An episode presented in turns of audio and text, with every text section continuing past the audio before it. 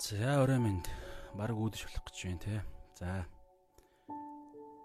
Аа өнөөдөр жоо оройтчлоо тэгсэн ч гэсэн аа өнөөдөр бүгдээ хамтдаа хуваар ёсороо чимээгүй цаг хаяа гэж бодож байна. За тэгээ өнөөдрийн чимээгүй цаг маань Йохан 5 дугаар бүлгийн аа 5 дугаар бүлгийн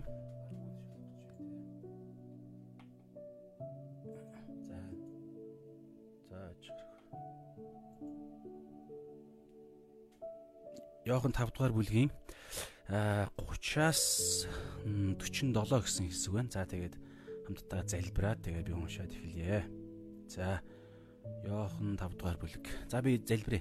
Эзэн минь энэ цагийн төлөө талархъя тэгээд хэдийгээр бас цаг цав маань таарсангүй бас босод зүйлсүүдээс болоод эзэн орой өнөөдрийнхөө чимээгүй цаг хийж байгаа ч гэсэн эзэн минь өнөөдөр та бидэнд үннийг ойлгуулаач. Тэгээд бид оюун ухаанаараа гэхээс илүүгээр зүрх сэтгэлээрээ ойлгож ухаарад эзэн үнэхээр сүнсээрээ эзэн үнэхээр энэ үннийг үнэнтэй нэгтгэхийг хүсдэг учраас эзэн минь та мартуулахгүйгээр маш сайн ойлгоход туслаарай эзэн. Тэгээд аа хамт байх хүмүүсүүдийн төлөө сэрэг байдлын төлөө даатахыг тэгээд товчхон бөгөө тодорхой бас аль болох богино хугацаанд дуусгахыг хүсэж байна. Та хамт байж өдөрдөж өгөөрэй. Тэгээд таны хүсэл биелэх болтугай Есүс нэрээр аминь. За тэгээд өнөөдрийнхөө үгийг хамтдаа уншийе. За өнөөдөр бол Йохан аа 5 дугаар бүлгийнхээ 30-аас 47 за би уншийе.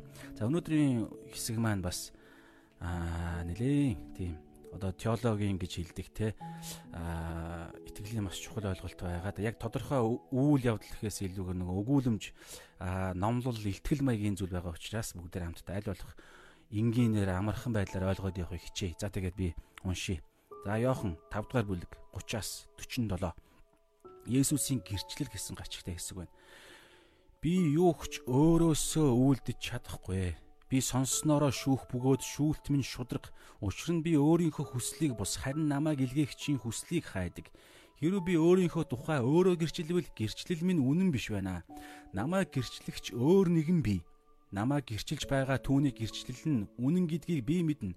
Та нар Йоханд хүн илгээхэд тэрээр үнний тухай гэрчилсэн билээ. Гэвч би хүнээс гэрчлэл авдаггүй. Харин та нарыг аврагдаасаа гэсэндээ би эдгээрийг хэлж байгаа юм а. Йохан бол шатаж гэрэлтэж байсан дэнлүү байв. Та нар тэр гэрэлд хэсэг зуур хөөрөн баясхыг хүсэж байсан. Харин Йоохны гэрчлэлээс илүү агуу гэрчлэл надад байна. Биелүүлгэж надад эцгийн өгсөн ажлууд ба миний хийж байгаа ажлууд нь эцэг намайг илгээсэн гэж миний тухай гэрчилдэг. Намайг а намайг Намайг илгээсэн эцэг өөрөө намайг гэрчилсэн юм а. Та нар хизээч түүний дууг сонсоогүй, дүр төрхийг нь ч хараагүй. Илгээсэн нэгэнд нь итгээгүй тул та нарын дотор түүний үг оршдоггүй. Та нар бичвэрүүдэд мөн хам бий гэж боддог тул түүнийг нягталдаг. Тэдгээр нь намайг гэрчилдэг билээ. Та нар амтай болохын тулд над дээр ирэхийг хүсдэггүй. Би хүмүүсээс алдар хүндийг авдаггүй Та нарын дотор Бурхны хайр байхгүйг би харин мэднэ. Би эцгийнхээ нэрээр ирсэн юм. Гэтэл та нар намайг хүлээж авдаггүй. Хэрв өөр нэгэн өөрийнхөө нэрээр ирвэл та нар түүнийг хүлээн авна. Та нар цорын ганц Бурханаас алдрыг хайдаггүй атлаа бие биенээсээ алдрыг хүлээж авдаг. Тийм байж яаж итгэж чадах юм бэ? Эцгийн өмнө би та нарыг буруутгах гэж бүү бод. Та нарыг буруутгагч нь та нарын найдвараа тавьсан Мойсе юм. Мойсе мөн Хэрв та нар Мосед итгэсэн бол надад итгэх байсан. Учир нь тэр миний тухай бичсэн юм. Харин та нар түүний сударт бичихт итгэхгүй бол яаж үгэнд минь итгэх билээ гэж айлдлаа. За тэгэхээр өнөөдрийн хэсэг бол сая ингээ уншихад бол ерөнхийдөө шууд ойлгоход нэлээд хэцүү хэсэг байдаг те. Тийм учраас би наан сая бодоод бясалгаад ингээ харах үед ерөнхийдөө маш ойлгомжтой нэг хэсэг байгаа. Тэгэхээр би бас ингээ харах үед англи хэл английнх нь King James хуулбар дээр өнөөдрийн сэдвэн өнөөдрийн хэсгийн сэдвийнх нь нэр нь юу байсан гэж дөрвөн ялгаатай гэрч гэрч гэсэн сэдвтэй хэсэг байгаа байхгүй дөрвөн гэрч гэсэн утгатай. А монгол хэл дээр бол Есүсийн гэрчлэл гэсэн байгааз. Тэгэхээр дөрвөн тэгэхээр өнөөдрийн хэсэг бол ерөнхийдөө дөрвөн хэсгээр ерөнхийд нь хуваагаад бид нар ойлгож болно гэсэн. За тэгээ бүгдээрээ харъя. Тэгэхээр нэг ийм хиллэг байна л да. За яг англиараа бол fourfold witness буюу дөрвөн одоо юм одоо нугалсан дөрөв нугалсан гэрч гэдэг тиймэрхүү шууд утгаараа үг байгаа байхгүй юу? Дөрвөн гэрч гэсэн утгатай. Тэгэхээр энэ хиллэг хардаа анги би мэдээлэл танд бас хэрэг болох үүднээс энэ одоо энэ хилц үг хиллэг дөрвөн яг Монгол би орчуулгыг нь бол мэдэхгүй байна. Ямар ч болсон дөрөв нугалсан гэрч а дөрөв дөрөв дахин дөрвөн гэрч гэдэг юм уу эсвэл дөрөв дөрвөн дөрөв дахин давтагдсан дөрвөн ялгаатай гэрч гэдэг юм уу нэг иймэрхүү утгатай шүү заяа. Тэгээ энэ үг энэ хиллэг нь англи дээр бол fourfold witness гэдэг энэ хиллэг Христ Христ итгэлд хоёр байдлаар хэрэглэгддэг гинэ. Нэгдүгээрт хоёулаа угаасаа Есүсийн талаарх гэрчлэх гэрч байхгүй юу? Гэрчлэлийн талаар ярьдаг. Тэгээд нэгдүгээрт сайн мэдээний дөрвөн ном байдаг шүү дээ, тэ? Матай, Марк, Лук, Йохан. Тэгэхээр Матай, Марк, Лук, Йохан гэдэг энэ дөрвөн гэрчин, дөрвөн Есүсийн дагалдагч Есүсийн талаар гэрчилсэн. Энэ хиллэгийг fourfold witness буюу одоо дөрөв нугалсан гэрч гэрч гэдэг утгаар явдаг. Нэгдүгээрт, хоёрдугаарт өнөөдрийн хэсэг дээр гарч байгаа хэсэг баггүй. Матай 5-ын 30-аас 47 дугаар ишлэлийн энэ багц хэсэг дээр саяны ярьсан дөрвөн гэрчийн талаар Есүсийг Месиа, аврагч Христ гэдгийг нь гэрчилдэг дөрвөн гэрч байдаг. Тэрийг өнөөдөр бид нар үзнэ гэсэн үг. Матай 5-ын 30-аас 47. За тэгээ бүгдээр эхнээс нь хараад явъя. Тэгэхээр эхлээд би шууд дуртчихъя. Аа нэгдүгээрт хідээс хід байгаа вэ гэхлээр ерөнхийдөө аа 33-аас эхэлж байгаа. Нэгдүгээр гэрчин Есүсийг Месиа, Бурхны хүү, бас хүний хүү буюу Христ гэдгийг нь гэрчилдэг дөрвөн гэрчийнх нь нэгдүгээрт Йохан Баптист орж байгаа одоо энэ өнөөдрийн үзэж байгаа Иохан 5-ын 30-аас 47 дугаар хэсгийн 1-р ихний гэрч нь хинбэ гэхлээр 33-аас эхэлж байгаа. Та нар Иохан Иоханд хүн илгээхэд тэрээр үннийг үнний тухай гэрчилсэн билээ гэд Иохан Есүсийг гэрчилсэн гэрчлэл байгаа. Хоёрдугаарт а 36-аас харин Иоханоос илүү Иоханыг гэрчлэлээс илүү агуу гэрчлэл надад байна. Биелүүлгэж надад эцгийн өгсөн ажлууд ба миний хийж байгаа ажлууд нь эцэг намайг илгээсэн гэж миний тухай гэрчилдэг. Хоёрдугаар гэрч нь Есүс Христийн ажлууд гэсэн үг. Ажлууд. Нэгдүгээрх нь Иохан Баптист, хоёрдугаарх нь Есүс Христийн хийж байгаа үйлдэл, ажлууд нь гайхамшгууд нь Есүс Христийг Месиа, Бурхны хүү гэж гэрчилдэг. Гуравдугаарт нь 37-оос намайг илгээсэн эцэг өөрөө намайг гэрчилсэн юм аа. Тэгэхээр Бурхан аав өөрөө Есүс Христийг Месиа, Бурхан өөрийнх нь хүү гэдгийг гэрчилдэг. За би тэгээд яг үзэгтэй ерөнхийдөө жоохон чааш нь үйл ялэг жоохон дэлгэрэнгүй сунгаад яри. За дөрөвтг нь хаана байгаа вэ гэхлээр а 39 дээр та нар бичвэрүүдэд мөн хам би гэж боддог тул түүнийг нягтладаг. Тэдгээр нь намайг гэрчилдэг үлээ. Хуучин гэрээний бичээсүүд энэ дөрөв. Энэ дөрөв Есүс Христийг Месиа буюу Христ аврагч Бурхны хүү гэдгийг гэрчилдэг энэ дөрөв. За тэгээд бүгдээрээ хамтдаа өнөөдөр энэ дүрийг үзье. За эхлээс нь эхнээс нь хараад явъя. Би тэгээд аль болох хит чааш нь нуршихгүйгээр аль болох тодорхой үзье. Тэгээд хэрвээ та ядарж байгаа аа тэ амралт хэрэгтэй бол паузлаад үзэж болно шүү. Та өөсөө нээлттэй энд чинь хадгалагдана шүү дээ. За би бол ярьдгаараа яриад явъя. Та тэгээд дунд нь тасалж болно шүү. За 30 дугаар ишил дээр би юу ч өөрөөсөө үйлдэж чадахгүй гэж байгааз чадахгүй чадахгүй байхыг сонгосон гэсэн үг. Гурвал хоорондоо яг ийм харилцаатай гэсэн үг. Юм болгоныг аа гурвлаар оршиж бурхан те Есүс Христ энэ дэлхий дээр ирэхдээ үйлдэлсэн бүх үйлдэл нь дангаараа хийх мөн чанаргүй. Бүр тийм чадахгүй гэдэг үгээр илэрхийлсэн байгаа байхгүй бүх зүйлээ тэр гурвлын нэгдэл хамтдаа хийдэг. Би 30 дугаар ажил би юу ч өөрөөсөө үйлдэж чадахгүй. Би сонсноороо шүүх бөгөөд шүүлт минь шудраг Яагаад Иесус Христийн шүүлт нь шудраг байгаа вэ гэхлээр ганцаараа нэг талд шүүлт биш.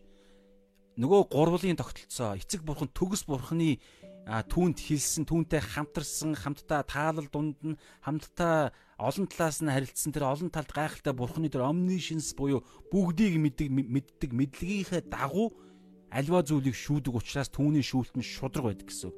За энэ хэсэг яг 30 дугаар ишлэлд ерөнхийдөө өмнөх хэсгийн хэсэг байсан юм байлээ. King James дээр бол тэгж хуваарлсан байсан. За ямар ч байсан ингэ бүгдээрээ цааш хараа явъя. За яагаад шудраг вэ гэхлээр би өөрийнхөө Есүс Христ 30 дугаар ишлэл шүү. Өөрийнхөө хүслийг бус харин намайг илгээгчийн хүслийг хайдаг. Есүсийн үг, үйлдэл яагаад төгс үг төгс шүүлт төгс гайхалтай номлол байдгүй гэхлээр Есүс Христ аливаа зүйлийг хийх болгондоо хин нэгэндээ хайрцах болгондоо аливаа зүйлийг шүүх болгондоо өөрөө нөө би би гэдэг үзлээрээ биш. Нөгөө бус Есүс ингэж штэ өөрийнхөө хүслийг бус харин Есүсийг илгээгчийн хүслийг хайдаг.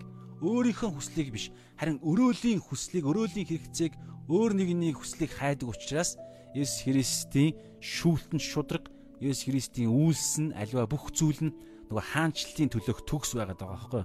Тэгэхээр эндээс бүгдээрээ бас нэг товчхон дүгнэлт хийгээд цаашаа явъя. Бид нар Есүс Христ энэ дэлхий дээр яаж амьдарсан, юуны төлөө амьдарсан, тэр амьдралаар бид нар амьдрахаар дуудагдсан. Бид загалмайгаа Есүс Христийн амьдарсан амьдралаар загалмайгаа үүрээд өөрийгөө өгүүлсгээд тэг хаанчлалын төлөө амьдрахаар дуудагдсан. Есүс Христийг амьдралынхаа эзэн гэж хэлснээрээ бид нараа үнгүй аврагдж байгаа шүү дээ. Гэхдээ энэ эзэн амьдралын минь эзэн гэж хэлсэн энэ үнгүй аврал дотор нь та бодоор би энэ дэлхий дээр амьдрахдаа Бурхан Есүс эзэн Бурханыг би өөрийнхөө амьдралынхаа эзнээ болгоно гэж гарын өсгөд зурж гараа өргөж амаараа тунхагласнараа бид аврагдсан. Тэгэхээр энэ тунхаглал дотор нь өнөөдөр бид амьдрахдаа өөрийнхөө төлөө биш. Есүс энэ дэлхий дээр яаж амьдрсан, ямар зорилгоор амьдрсан, яг тэр амьдралаар амьдрья гэж хилээд миний амьдралын эзэн гэж Есүсийг хилээд харин би Ром 1 дээр байгаа би бол Есүс Христийн сайн дурын боол гэж хэлж байгаа нь өөрөө бид нарыг авралт хүргэсэн байхгүй юу? Тэгэхээр яг Есүс Христ энэ дэлхий дээр 33 жил амьдрахтаа өөрийнхөө нэг ч зүйл үйлдээгүй гэж түрүү хэлж штэ тэ 30 дугаар ишлэл дээр бүх зүйлийг бас 5:19 дээр байгаа. Бүх зүйлийг Есүс Бурхан Аавынхаа хүслийн дагуу Есүс Христ үйлдэж амьдрсан. Яг Есүс шиг бид энэ дэлхий дээр амьдрахтаа өөрийнхоороо биш бүх зүйлийг Есүсийн үйлдэлсэн амьдрсан амьдралын дагуу амьдрна. Есүсийн амьдрал ямар амьдрал вэ? Есүс эзэн юу хүсдэг юм? Яаж амьдрдгийг гэдгийг нөгөө дөрвөн талд гэрчгээд байгаа дөрвөн тэ дөрвөн ялгаатай дөрвөн гэрчгээд байгаа нөгөө Матай, Марк, Лук ч нь хилдэг нэгдүгээрт. Хоёрдугаарт өнөөдөр бас дахиад нэг дөрвөн тал дөрвөн гэрчийг бас бүгдээр үзэж байгаагийн одоо бүгдээр үзье. За тэгэхээр түрүүний 30 дугаар ишлэлдэр бидний гаргасан дүгнэлт хэрэгжүүлэлт бол ерөнхийдөө бид өнөөдөр энэ дэлхий дээр аврагдсан бид нар өнөөдөр энэ дэлхий дээр амьдрахдаа нэг л амьдрал, нэг л зам, нөгөө нарийн зам, нэг л замаар явхаар явна гэд а явна гэж а бид гараа өргөж а итгэлээ тунхагснараа бид аврагдсан. Тэр зам нь юу гэхээр Есүс Христийн явсан замаар л явах. Ямар зам юм? Матай, Марк, Лук, Йохан дээр байгаа гэсэн үг. Тэгээ Есүс хэлж штэ 30 дээр би юу хүч гэж байгаа. Юу хүч? Бүр юу хүч? Нэг ч зүйлийг биш гэсэн үг нэг ч зүйлийг гэсэн бүх зүйлийг өөрөө өөрөө үйлдэж чаддаггүй гэдгийг гэдэг тийм мөн чанартай байхгүй юу? Дандаа тэр гурвын нэгдэл хамт явдаг гэсэн. Бид нар ч гэсэн яг адилхан. Яг Есүстэй адилхан. Би өнөөдөр итгэлийн амьдралаар амьдрахдаа бүх зүйлийг ариун сүнсний тэрхүү гайхалтай мэрэгүү ухаан харилцаагаар дамжуулан Есүс Христ гэж байгаа энэ Библиэл дээрх Есүс Христийн амьдрсан амьдралаар амьдрахаар бид нарыг дуудсан. Бид тэгьегээд гараа өргөсөн учраас Бурхан бид нарыг аварсан. Тийм учраас өнөөдөр аврагдсан хүний амьдралаар амьдрна гэдэг чинь бидний хамаг эрэл хайгуул бүх цаг завыг зориулах ёстой юм байгаа даа байхгүй юу? Аврагдсан тэгэл болоо биш. Чадах Есүс ариун сүнсгүйгээр Есүс Христийн амьдралын загварыг бид харахгүйгээр амьдрч чадахгүй болцсон тийм үн чанартай шин бүтээл байхгүй юу? Дээрээс төрсөн ус ба сүнсээр гэж Иохан 3 дээр байгаа. Тийм учраас бүгдээрээ энийг үргэлж бодож эзний тэрхүү дүр төрхийг хайж судалж амьдрья гэдэг нэг хэрэгжүүлэлтийг гаргаж байна. За тэгээд 31-ээс бүгдээрээ одоо нөгөө үндсэн эсрэг оръё. Хэрвээ би өөрийнхөө тухай өнөөдрийн хэсэг дээр бол Есүс Христ Бурхны хүү, Есүс Христ биднийг аварсан аврагч гэдгийг батлах дөрвөн гэрчийг бүгдээрээ өнөөдөр нотлох баримтыг маш бодиттой дөрвөн нотлох баримтыг харна гэсэн. За тэгээд бүгдээрээ хараад явъя. За 31-ээс Хэрвээ би өөрийнхөө тухай гэрчилвэл за энийг та сонсоорой 31 дээр маш чухал нэг юм логиктой ойлголт байгаа шүү. Хэрвээ би өөрийнхөө тухай өөрөө гэрчилвэл гэрчлэл минь үнэн биш байна гэж байгаа. Энүүгээр юу хэлж байгаа гэхээр одоо энэ бүр ингэж байгаа та юдэчүүдийн яг шүүх хурлын тогтолцоогоор хоёр гэрч тухайн хэргийг үнэн гэдгийг нь үзэж харсан хоёр гэрчил байх ёстой. Заавал хоёр. Хоёр ба түүнээс дээш. Хоёр баяжижил яг баталгаатай болдог. Гэтэл өнөөдөр Есүс Христ дөрвөн гэрчийг хэлнэ шүү.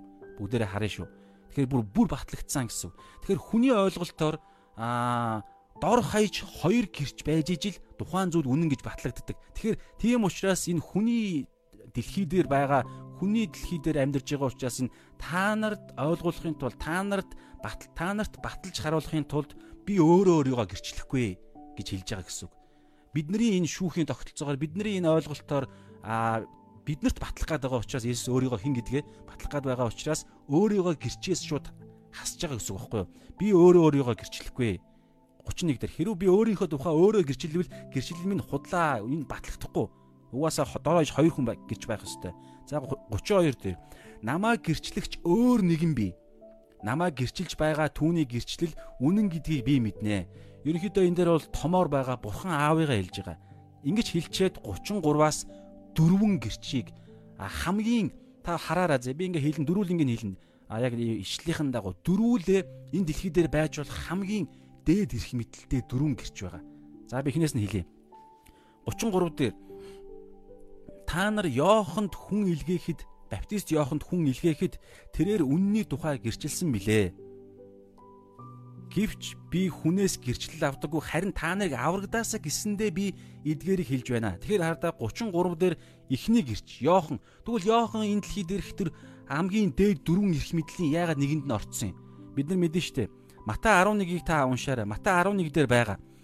Аа Матай 11 дээр тий Йоохны талаар Есүс өөрөө гэрчилсэн байгаа. Юу гэж гэрчилж байгаа гэхээр эмгтээчүүдийн төрөх эмгтээчүүдээс төрөхсдийн дунд хамгийн агуу нь Йохан Баптист юм а гэж хэлсэн. Яагаад Йохан Баптист хамгийн агуу болж байгаа. Гэхдээ сонсороо та эмэгтэйчүүдээс гэж байгаа шүү. Эмэгтэйчүүдээс хүн болгон эмэгтэй хүнээс төрсөн шүү дээ. Тэгэхэд гэхдээ нэг өөр нэг ойлголт дараа нь хэлдэг. Харин Тэнгэрийн хаанчлал төрсөн Тэнгэрийн хаанчлалын хамгийн өчүүхэн нь Йохан Баптистаас илүү агуу гэсэн. Тэгэхээр бид нар Йохан 3 дээр хэлсэн шүү дээ. Тэнгэрийн хаанчлалд орохын тулд мөнх амьтаа байхын тулд мөнхийн тамлал, мөнхийн үхэл тамлаас салахын тай гэтэл амруу мөнхийн амруу шилжихийн тулд нэг л шалтгааныг хэлсэн дээрээс төрөхгүйгээр хүн Тэнгэрийн хаанчл орж чадахгүй гэж хэлсэн. Имх одоо түрүүн болохоор Йохан Баптистыг эмхтэйгээс төрсөн гэж хэлсэн шүү дээ. Харин Тэнгэрийн хаанчлалын хүмүүс нь хаанаас төрс төрөх ёстой гэж Йохан 3 дээр хэлдэг. Никодем тандж хэлдэг байх гэхээр дээрээс гэж байгаа. Тэр нь ямар утгатай юм? Дараагаар нь Йохан 3-ын 5 дээр нь хэлдэг. Ус ба сүнсээр төржиж хүн Тэнгэрийн хаанчлалд орно гэж байгаа. Тэгэхээр ус ба сүнсээр төрсэн хүмүүсүүдийн хамгийн өчүүхэн нь Йохан Баптистаас илүү агуу гэж байгаа байхгүй.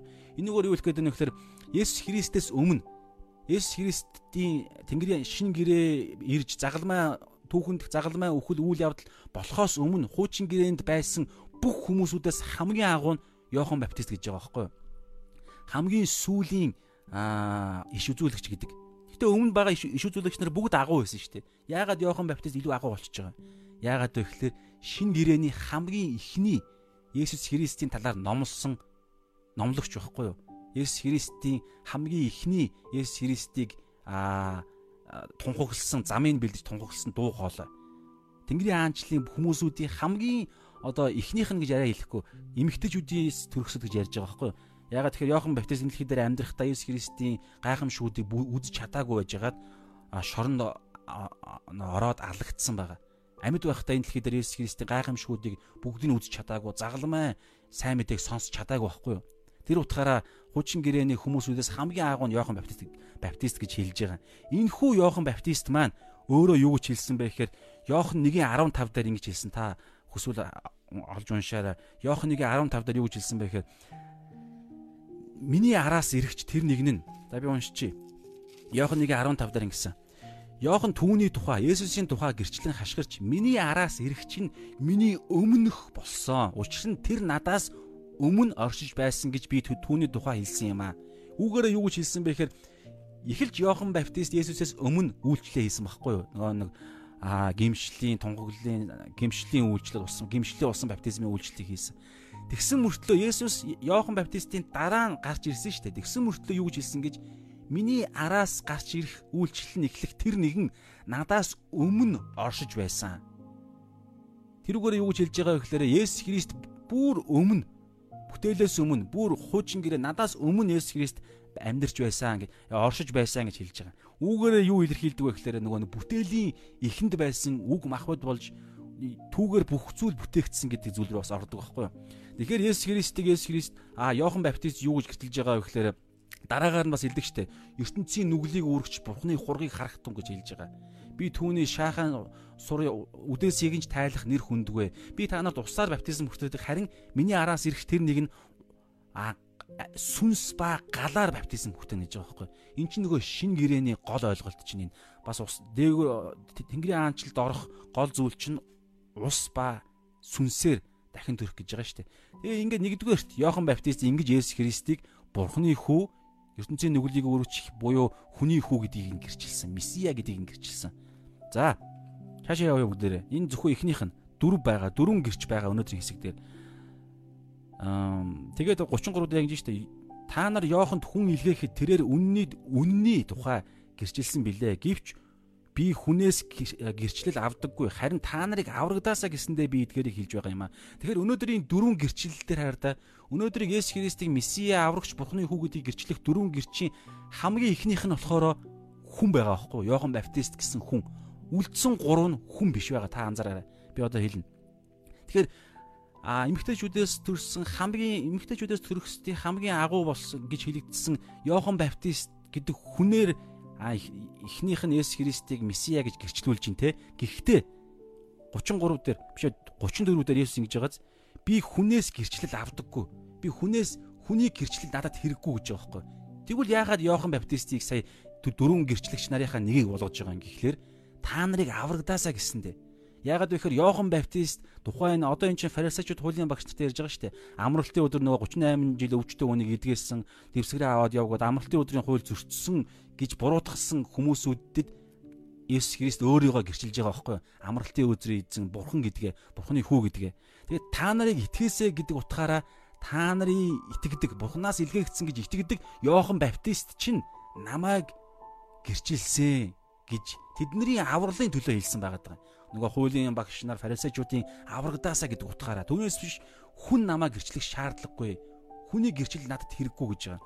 Бас Йохан 2-ын хэд дээр байгаа 2-ын сүүлийн ишлэл дээр байгаа хаа 2-ын 24 дээр 23 дээр байгаа юу гэж байгаа гэхээр өөрт нь итгэсэн хүмүүсүүдээс хараад юу гэж хэлсэн бэ гэхээр тэднэрт тэдний тэднэрт өөрийгөө даатгсангүй. Яагаад вэ гэхээр хүний зүрхэнд юу байдгийг Есүс мэдж байсан гэж байгаа. За би уншия. Йохан 2-ын 24 дээр 23 дээр алгаслын баяраар Иерусалимд байхдаа Есүсийн хийсэн тэмдгүүдийг олон хүн үзээд түүний нэрэнд итгэжээ. 24. Харин Есүс өөрийгөө тэдэнд ис даатгсан нь тэрээр бүх хүнийг мэдж байсных билээ. 25. Хүний дотор юу байдгийг мэдж байсан тул хүний тухай хэн нэгний гэрчлэл түүнд хэрэггүй байгаа гэж байгаа.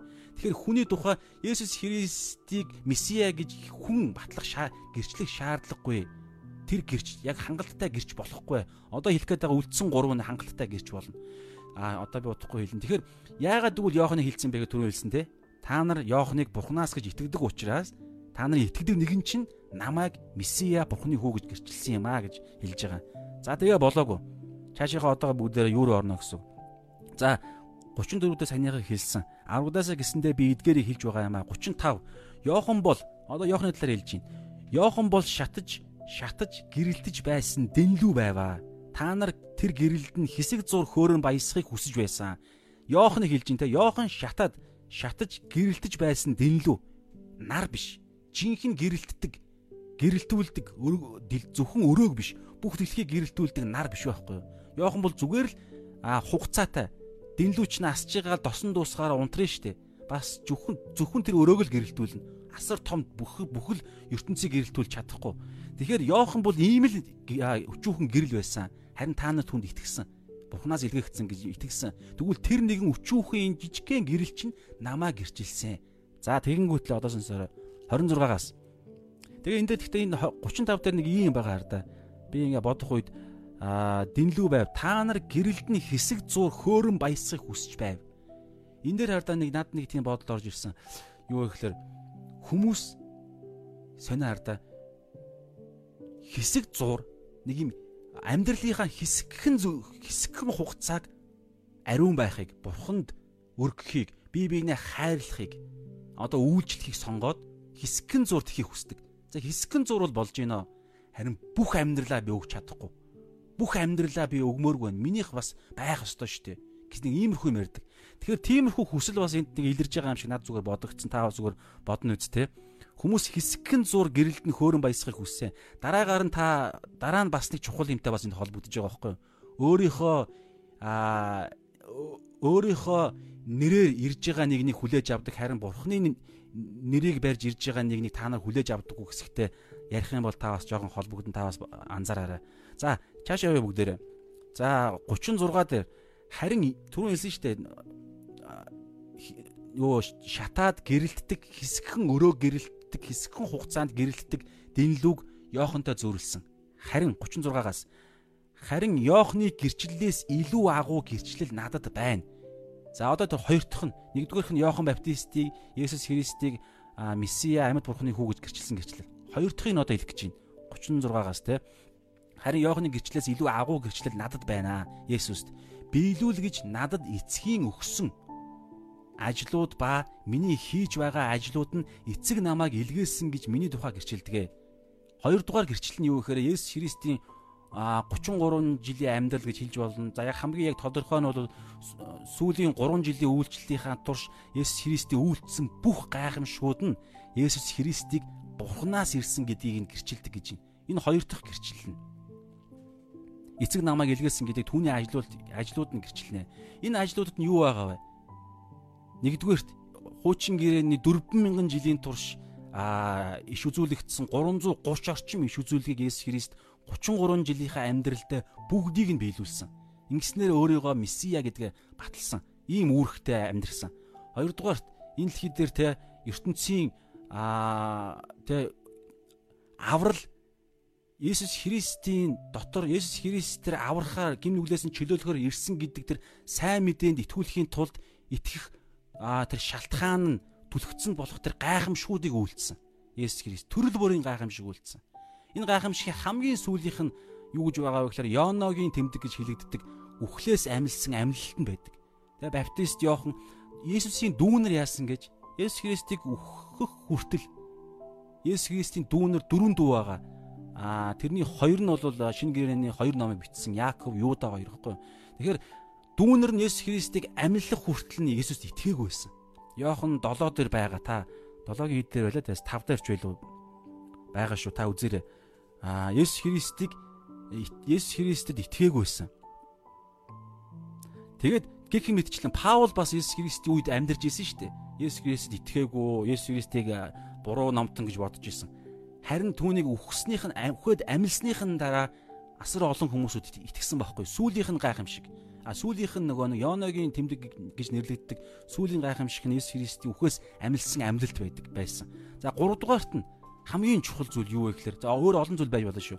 3 дугаарт нь юу гэхээр загалмай гайхамшиг. Загалмай гим нүглийн төлөөс болж загалмай дээр хүн төрлөختний гим нүглийг өөр дээрээ үүрээд бидний бурууг өөр дээр аваад харин өөрийнхөө зөвхт байдлыг биднэрт өгсөн нь итгэсэн хүмүүсүүд шүү. Өгж байгаа энэ гайхамшиг түүний хийх ёстой ажлын хамгийн гол төв нь байсан загалмай дээр өхийн тулд ирсэн. Тэгэхээр энэ мэдчлэн Есүс Христийн үйлдэлсэн асар олон гайхамшгууд нь Есүс Христийг Бурханаас ирсэн гэдэг, Бурханы хүү гэдэгт нь Месиа гэдэгт нь Месиа гэдгийг гэрчилдэг. За хоёр дахь нь энэ. Нэгдүгээрт нь Иохан Баптист, хоёрдугаарт нь Есүс Христийн хийсэн гайхамшигт үйлсүүд нь. За 37-оос 3 дахь нь за бүгдээ харъя. Намайг илгээсэн эцэг өөрөө намайг гэрчилсэн юм аа. Гэрчилсэн өнгөрсөн цаг дээр те. Та нар хизээч түүний дууг сонсоогүй дүр төрхийг нь ч хараагүй. Илгээс нь нэгэнд нь итгээгүй тул та нарын дотор түүний үг оршдоггүй. За энэ нь ерөнхийдөө бол энэ хинд ярьж байгаа шүү. Хуулийн багш фарисеучуд Есүсийг амралтын өдрийн хууль зөрчлөө гэдээ алах гэж оролдож байгаа хүмүүсүүдэд аврал аврал тэд нарыг аврагдаасаа гэдэг байдлаар энэ дөрвөн гэрчийг ярьж байгаа. Өөрийгөө Бурхны хүү, Бурхан амралтын өдрийн эзэн хуулийг хуулийн мөн чанарыг өөртөө зан чанартаа агуулж байдаг тэр нэгэн гэдгээ гэрчилсэн 3 дахь гэрчлэн саяных 37 дээр Иохан 5:37 намайг илгээсэн эцэг бурхан аав өөрөө намайг гэрчилсэн юм аа. Энэ хаана байгаа юм? За бүгд Матай 3:17 дээр байгаа. Матай 3 дээр нөгөө нэг Иохан Иохан баптист биш ээ Есүс баптист Иоханоор усан баталгаа хүртэх үед тэнгэр нээгдээд за би Матай 3-ын 17-г уншчихъя. Тэн дээр эцэг Есүсийг илгээсэн эцэг өөрөө хэрхэн Есүсийг гэрчилсэнийг бүгдээрээ харъя. Матай Матай 3-ын 17 дээр. За. Матай 3. Есүс за 16-аас Есүс баптизм хүртээд голын уснаас даруй гарах үед гинт тэнгэр заагдж Бурхны сүнс дагтаа мэд түүн дээр бууж түүн дээр ирэхийг ирэхийг тэр харлаа. Йохан баптист харлаа. Тэнгэрээс тэнгэрээс үзэгтэн одоо энэ Бурхан Аавын гэрчлэл байхгүй юу? Нөгөө гурав дахь гэрчлэл нь Нэгдүгээр Иохан Баптист, хоёрдугаар Есүс Христийн үйлдэлсэн гайхамшиг үйлдэл тэмдэглэл гайхамшигуд нь гуравдугаарт Есүсийг илгээсэн, орчлын ертөнцийг бүтээсэн агуу хүчит Бурхан эцэг өөрөө хэрхэн гэрчилсэн бэ гэхээр Матай 3:17 дээр баптизм хүртээд гарч ирэх үед ариун сүнс бууж ирсэн. Тэгээд Тэнгэр нэгдээд үзэгтэн хайрт хүүмэн энэ билээ. Таалал минь түүнд оршдог гих дуун гарлаа. Дуу гарсан. За энэ бол энэ гих мэтчлэн олон тохиолдлууд дээр бурхан өөрөө Есүс Христийг илгээсэн а Есүс Христ бол өөрийнх нь хүү гэдгийг гэрчилсэн. Бурхан аав нь. За энэ гурав дахь нь бид нар хэлсэн шүү дээ. Энэ дэлхий дээр байгаа хамгийн дээд эрх мэдэлтэй дөрвөн гэрч байгаа гэсэн шүү дээ. Нэгдүгээрт хүмүүсүүдээс хамгийн агуу нь бас Иохан Баптист. Хоёрдугаарт Есүс Христийн үйлдэлсэн гайхамшиг буюу хин гэж ариун сүнс ахгүй юу? Матай 11 дээр байгаа. Матай биш 12 дээр нь байгаа. Есүс Христийн үйлдэлсэн нэг хилгүй дүлий чөтгөр шүглсэн үнийг а чөтгөрийг нь хөөж гарах үед хүмүүсүүтэй өө эн чин Давидын хүү биш үү? Эн чин нөгөө нэг Израиль ийм юусоо болсонгүй гэ хүмүүс яриа те. Эн чин нөгөө Давидын хүү Месиа биш үү гэж асууж байх үед фарисеучуд хуулийн багш нар юу гэж хэлсэн бэ гэхээр энэ хүн чөтгөрүүдийн ахлагч Белзебүүлээр чөтгөрүүдийг хөөдөг юм байна гэж хэлсэн. Есүсийн дотор ажиллаж байгаа сүнслэг хүчийг сатан гэж хэлсэн байхгүй чөтгөр шүглсэн гэж хэлсэн. Тэр үед Есүс Христ юу гэж хэлсэн бэ гэхээр Хүний хүүг доромжлогч хинч хизээж уушлагдана. Харин ариун сүнсийг доромжлогч хүн энэ цаг үед ч ирэх үед ч уучлахдахгүй гэж хэлсэн. Нөгөө уучлагддаггүй гэм нүглийг ярьж байгаа. Тэгэхээр ингэж хэлснээр миний хэлэх гээд байгаа санаа нь Есүс Христийн үйлдэлсэн гайхамшгууд нь ариун сүнсний хүчээр үйлдэгдэж байсан байхгүй юу? Тэгээд түрүүн хэлсэн шүү дээ. Тэр баптизм хүртээд үйлчлээ дөнгөж эхлэх үед ариун сүнс тагтаа мэт түүний дээр бууж ирээд тэндээ тогтж үлдсэн. Тэгээд дараа нь юу гэж байгаа вэ гэхээр сүнсээр ариун сүнсээр хөтлөгдөөд цөл рүү сатан чөтгөрч соригдохоор 40 өдрийн сүнслэг тулаан руу явж байгаа байхгүй. Тэгээд Есүс Христ үйлчлэлийнх нь үед энэ дэлхий дээр байх хугацаанд нь үргэлж ариун сүнс хамт байсан. Ариун сүнсгүйгээр Есүс юу ч хийгээгүй байхгүй. Тэгэхээр Есүс Христийн үйлдэлсэн гайхамшиг гэдэг нь ариун сүнсийг ярьж байгаа. Ариун сүнсний гэрчлэл. Тэгэхээр нэгдүгээр хүний хамгийн хүн төрлөختний хамгийн агуу хүн болсон Иохан Баптист эмэгтэйчүүдээс өргөсөд шүү. Харин хаанчлалын хүмүүсийн хамгийн өчүүхэн нь Йоханоос агуу гэж байгаа. За хоёрдугаарт Есүсийн үйлдэлсэн гайхамшгууд буюу ариун сүнс бурхан түүнийг гэрчилсэн. Бурханаас ирсэн гэдэг нь. Гуравдугаарт Есүсийг илгээсэн эцэг бурхан өөрөө түүнийг гэрчилсэн гэж 37 дээр байна те. А Йохан 5:37 намайг илгээсэн тэр эцэг өөрөө намайг гэрчилсэн юм аа. Хизээвэ гэхээр Матай 3:17 дээр хэлсэндээ Тэнгэр нэгдээд энэ бол миний хайртай хүү түүнд миний таалал оршдог гэдэг дуу а баптизм хүртэх үед нь гарч ирсэн. За ингээ гурав дахь нь одоо нэг үлдсэн. Тэрийг хэлэхээс өмнө бүгдээ өөр юу вэ харъя 38 дээр биш ээ 37 дээр те та нар хизээч түүний дууг сонсоогүй. Бурхан аавыг хизээч түүний дууг нь сонсоогүй. Дүр төрхийг нь дүр төрхийг нь ч хараагүй. Илгээс нь тэгээд энэ ерөнхийдөө фарисеучуд хуулийн багш нарт хандаж хэлж байгаа. За 38 дээр илгээс нь нэгэнд нь итгээгүй тул та нарын дотор түүний үг оршдоггүй. Илгээс нь нэгэнд гэдэг нь хин бэ гэхээр Есүс те а бас Йохан ч гэсэн орно. Хэрвээ Йоханд итгэсэн бол Мойсеч гэсэн орно. Йоханд, Мойсед иш үзүүлэгч нарт нь те Йоханд Есүс итгэсэн бол түүний хэлсэн асар олон гэрчлэл гэрчлэлүүд байсан тэднэрт нь итгэх байсан. Гэтэл 38 дээр хэлж ин те илгээс нь нэгэнд нь итгээгүй тул та нарын дотор түүний үг оршдоггүй. Та нарын дотор авралын үг оршдоггүй. Тэ түүнд аврагдах тэ түүнийг тэд нарыг авралт хүргэх тэр амийн үг түүний дотор оршихгүй байгаа шалтгаан нь юу гэхээр Бурханаас илгээсэн хүмүүсүүдийн тэр авралын авралын талаарх гэрчлэлүүдэд итгэдэггүй. Итгээгүй учраас тэд нарын дотор Бурханы үг оршдоггүй гэж хэлж байна. За 39-оос за дөрөв дэх гэрчлэл нь сонсъё. Аа дөрөв дэх гэрчлэл нь та нарын та нар бичвэрүүдэд мөнх ам бий гэж боддог. Тул түүнийг нягтладаг. Бичвэрүүд бичээс хуучин гэрээ хэлж байгааз те. Тухайн үед чинь шинэ гэрээ бичигдээгүй байсан шүү дээ. Есүс Христийг амьдарч байгаа үед бол хуучин гэрээний 39 ном бүгд байсан. За 39 та нар бичвэрүүдэд мөнх ам бий гэж боддог тул бичээс бичээс хуучин гэрээний бичвэрүүд бичвэрүүд дотор мөнх ам байгаа гэж боддог учраас тэд нар боддог гэж байгаа зү. Харин бичээс нь өөрөө тийм ярьдаггүй шүү. Хуучин гэрээ хууль дотор мөнх ам бий гэж Библи ерөөсөө ярьдаггүй. Харин фарисеучуд хуулийн багш нар хууль дотор хуулийг хэрэгжүүлэх юм бол мөн мөнх амьдрнаа, мөнх ам бий гэж тэд нар боддог байсан байгаа. Өөрсдийнх нь бодол нь буруу бодол гэсэн. А энэ талаар Ром 3 дээр байгаа би удахгүй хэлнэ. За та нар тэгж боддог тул түүнийг бичээсүүдийг та нар нягталдаг. За одоо сонсоорой. Тэдгээр нь бичээсүүд нь намайг гэрчилдэг билээ. Бичээсүүдийн зорилго нь тэр байгаа байхгүй юу? Намайг гэрчилдэг билээ. 40 Йохан 5:40 та нар амтай болохын тулд над дээр ирэхийг хүсдэггүй. Сонио хартаа. Та одоо бодоорой. Энэ амар утгагүй юм болж байгаа байхгүй юу? Хуулийн багш, фарисеучуд хуулийн багш нар яадаг вэ гэхээр тэр 39 ном гэдэг юм за онцгойл нь тэр Торогийн тэр Мосегийн 5 ном ярьдаг ерөнхийдөө. За хуучин гэрээн дотор мөнх тэд нарыг биелүүлэх юм бол ойлгож ухаарад амьдралдаа амьдралдаа биелүүлж амьдрах юм бол мөнх амьдрна гэж боддог. Гэтэл Тэдгээр хууль хуучин гэрээний бичээс нь Есүс Христийг гэрчилдэг. Есүс Христ дотор л мөнх ам бий. Есүс Христ л та нарыг аварна гэж гэрчилдэг. Хаана байдаг гэж хамгийн ихнийх нь хизээ байгаа вэ гэхээр Мосегийн Эхлэл номон дээр байгаа. Эхлэл 3-ын 15 дээр юу гэж байгаа вэ гэхээр аа за одоо энэ дээр ингэж байгаа цаана хүсдэггүй би хүмүүсээс алдар хүндийг авдаггүй гэд энэ доор нь би нэг алгасаад уншчихъя. 46 дээр ингэж байгаа. Хэрв та нар Мосед итгэсэн бол надад итгэх байсан. Учир нь тэр миний тухай бичсэн юм аа. Нөгөө хуучин гэрээний хуулийн эхний 5 ном Эхлэл, Гитлэл, Левит, Тоолго, Дид хууль. Энэ 5 номыг Мосе бичсэн. Энэ Мосегийн бичсэн энэ хуулинд хэрв тэд итгэсэн болвол тэд нар Есүсийг гэрчилдэг гэж байгаа. Тэрний хамгийн ихнийх нь за би хоёрыг нь дурдъя. Эхнийх нь болохоор Эхлэл 3:15 дээр юу гэж байгаа та мэдэн шүү дээ.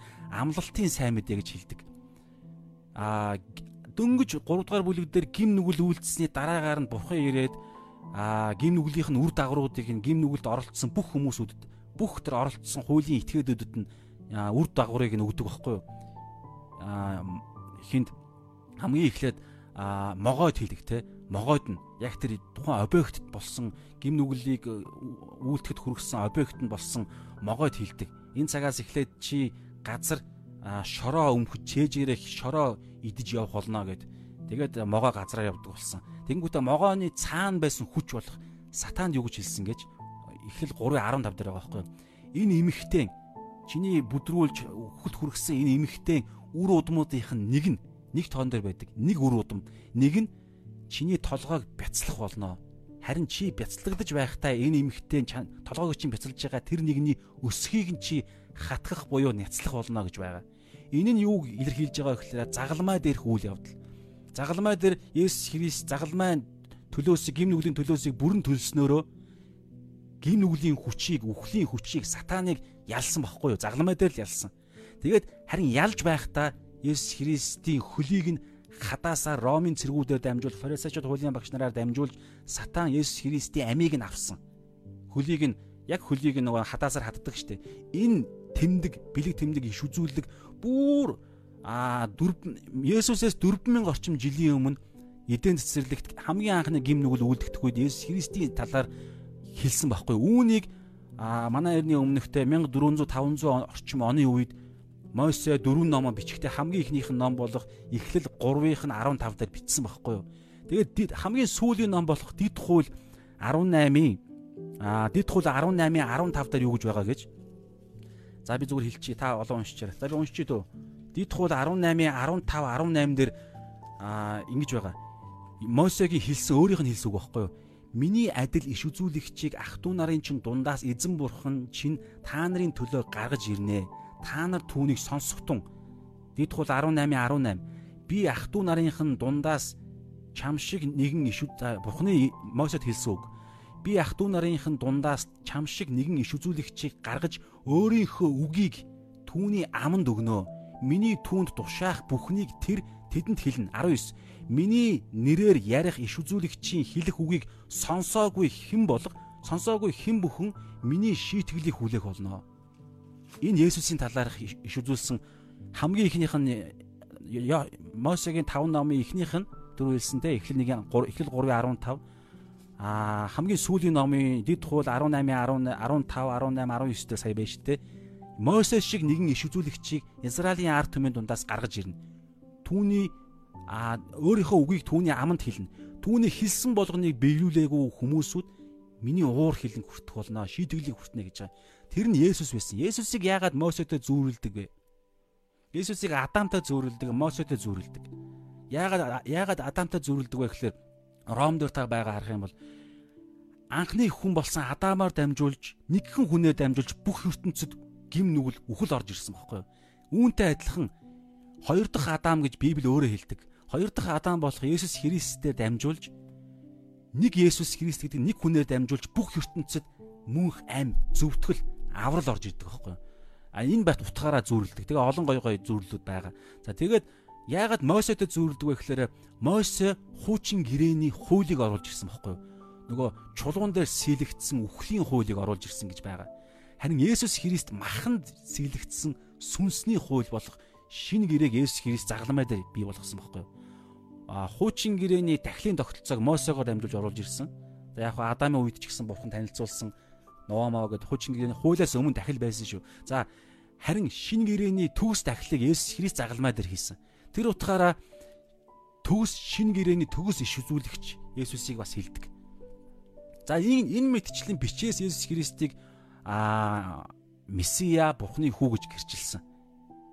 Нэгдүгээрт Иохан Баптист, хоёрдугаарт Есүс Христийн үйлдэлсэн үйлдэлүүд буюу ариун сүнс Бурхан, гуравдугаарт эцэг Бурхан өөрөө, дөрөвдүгээрт бичээс буюу үг, Бурхны үг болсон. Иохан 1 дээр бол үг бол Есүс гэж байгаа. Есүс гэсэн санаа бас байгаа. Тэгэхээр гурлаар оршиж Бурхан гуруула тодорхой хэмжээнд хүмүүсүүдтэй яаж харилцаж исэн тэр өгөгдлүүдээрээ бүгд гэрчилсэн. А хүн төрлөختнийг төлөөлж Тэ Йохан Баптист бас гэрчилж байгаа байхгүй хамгийн эмгэгтэйчүүдээс төрөхсдийн хамгийн агуу гэж нэрлэгдсэн Йохан Баптист. Тэгэхээр Есүс Христийн талаарх гэрчлэл асар их гэрчлэл байгаа гэсэн үг. Гэтэл одоо яаж юм? Бүгдээ цаашаа харъя. За сая би юг уншлаа. За ингэж штэ 39 дээр ингэсэнтэй та нар бичвэрүүдэд мөнх амби гэж боддог тул түүнийг нягтладаг. Түрүүн би ярьсныг сони юм болоод байгаа гэдгийг биелэг юм байна те. 39 дээр ингэж байгаа байхгүй юу? Хуулийн багш фарисеучуд яадаг вэ гэхээр а хуучин гэрээний бичээсүүд дотор мөнх ам байгаа гэд болоо байгаа гэж бодоод судалдаг, нягталдаг, чэйжилдэг. Гэтэл хартаа амар сонир харамсалтай сохор харалган байдал тэнд үүсдэг. Тэгээ судалдаг бичээс нь өөрөө юу гэж хэлдэг гэж тэр нэгэн гарч ирэх болно. Нэгэн цагт Месиа аврагч гарч ирнэ гэд 330 орчим иш үзүүлгүүдийг хэлсэн байгаа байхгүй юу?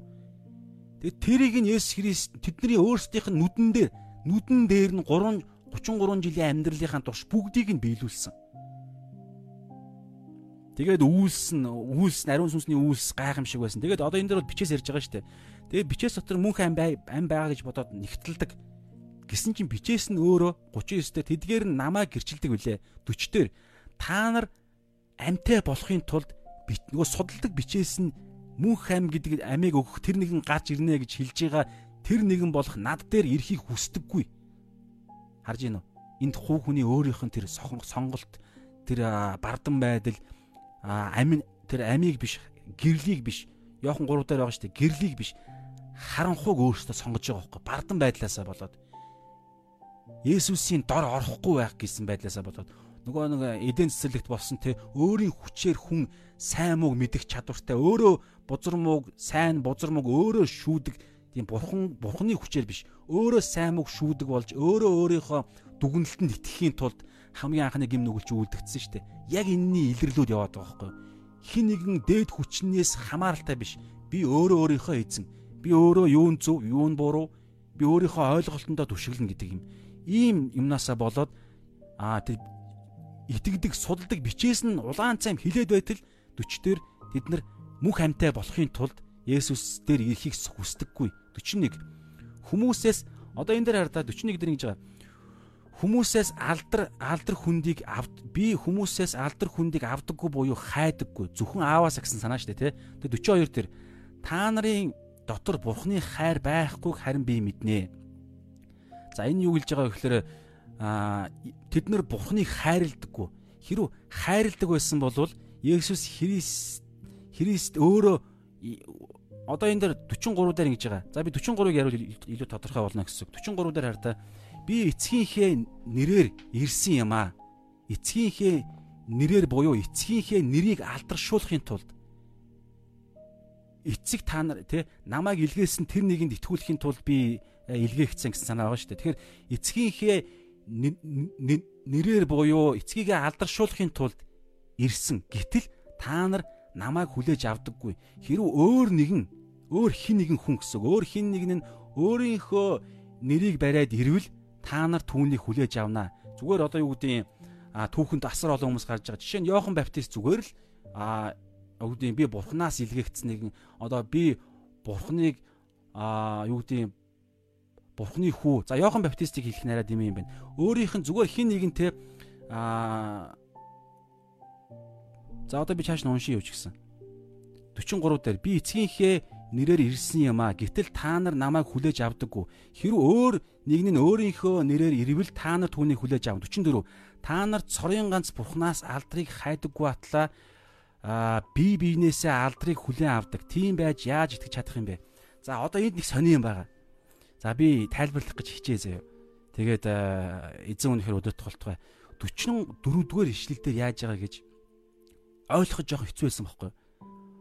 43 дээр ингээ одоо нэг сонин хүний талаар ярьж байгаа шүү дээ. Одоо юу гэдэг 43 дээр Есүс бол өөрөө эцгийнхаа нэрийг барьж ирэхэд гэтэл та нар намайг хүлээж авдаггүй. Есүсийг хүлээж аваагүй. Хэрв өөр хин нэгний талаар ярьж байгаа байхгүй юу? Хэрв өөр хин нэг нь аа өөрийнхөө нэрийг бариад ирвэл та нар түүнийг хүлээж авна гэд энэ хүний талаар ярьж байгаа. Тэгээд 44 дээр гинт тэдний тал руу нөгөө нэг фарисеж сонсож байгаа хүмүүсийг ярьж байгаа юм шиг нэг өөр юм яриад эхлэхээр нь би King James-ийн хүүлбэрийг нь уншиж үзэхгүй юу. Тэгсэн чинь орчуулганы жоохон нэг тийм ялгаа байгаад байна. А King James дээр хараа та та англи хэл мэддэггүй юу би сайн мэдэхгүй байна. А 44 дээр хараа та нэг маш чухал нэг юм байгаа байхгүй юу. За би зүгээр англи хэлээр нь уншчихъя. King James ягаад би King James King James гэдэг байгаа вэ гэхээр а King James бол юу гэдэг шинчлэлт болсноос хойш хамгийн анхны орчуулагдсан англи нөхгүй англи библи гэсэн үг. Тэгээд хамгийн их хэл дээр грек ивэ хэл дээр нь хамгийн ойр орчуулагдсан хадмал бүр доторх нэг ишлэл ишлэл дотор байгаа үг нь хүртэл яг тоогоороо хүртэл адилхан байдаг. Орчуулга нь хамгийн ойр байдаг гэдэг утгаараа би King James New King James-ийг судалтыг яг хуучин нь бол яг дээр үеийнхэн эртний хэллэгээрээ байдаг учраас тэгээ New King James-ийн 44 дугаар ишлэгийг би үз уншия. Тэгингээ би орчуулад өнөөдрийн одоо манай 13 оны орчуулгын жоохон тийм нэг юм ялгаатай байгаад байгаа юм. Би яг алдаатай гэж одоо айхтар том том дуурайд яах вэ те. За би 44-ийг нь ихлэ англиар нь уншия. Ингэж байгаа байхгүй. How can you believe who receive honor from one another and don't seek the honor that comes from the only God. За яг гол нь хараа та англи хэл мэддэг бол та харчаарай заяа. Шинэ King James-ийн 40 Йохан 5-ын 44-ийг та монгол хэлтэй харьцуулаад үзээрэй. За би одоо ингээд орчуулсныгаа уншия. 44 дээр ийм байгаа байхгүй. Одоо энэ орчуулаагүй яг 13 оных дээр бол ингэж байгаа.